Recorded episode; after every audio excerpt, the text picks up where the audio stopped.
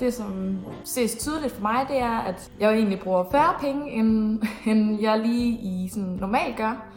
Øh, og jeg tænker øh, i primært også, at det er fordi, at jeg plejer at nyde at gå ud øh, og spise om aftenen og få et godt måltid, tage på café med veninder og, og alt det her, det er jo skåret fra, fordi corona gør jo ligesom, at vi ikke øh, må tage på restaurant. Specielt på den front, der har min økonomi ændret sig, og det ses også øh, tydeligt på, på min bankkonto, fordi der er simpelthen flere penge. Og i forhold til den værdi, det giver mig at gå på restaurant og på café, jamen jeg øh, tillægger det enormt stor værdi, og, og må også sige, at jeg savner det rigtig, rigtig meget i min, i min, sådan, i min dagligdag. Fordi det er en af mine måder at, at være social på. Og det er helt sikkert også noget, jeg nok vil tage op igen lige så snart, at muligheden byder sig.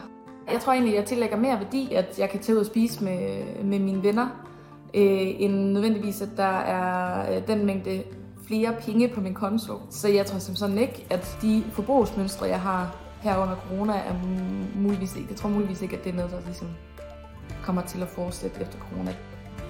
Man kan sige, at jeg er måske blevet mere bevidst om, hvad jeg går og bruger mine penge på.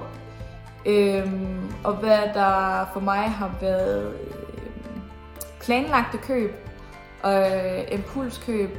øhm, og hvor mine penge sådan ryger hen. Jeg glæder mig enormt meget til at kunne tage hele familien under armen, øh, og så tage ud og få det her gode måltid med, øh, og ikke selv at skal stå øh, i køkkenet.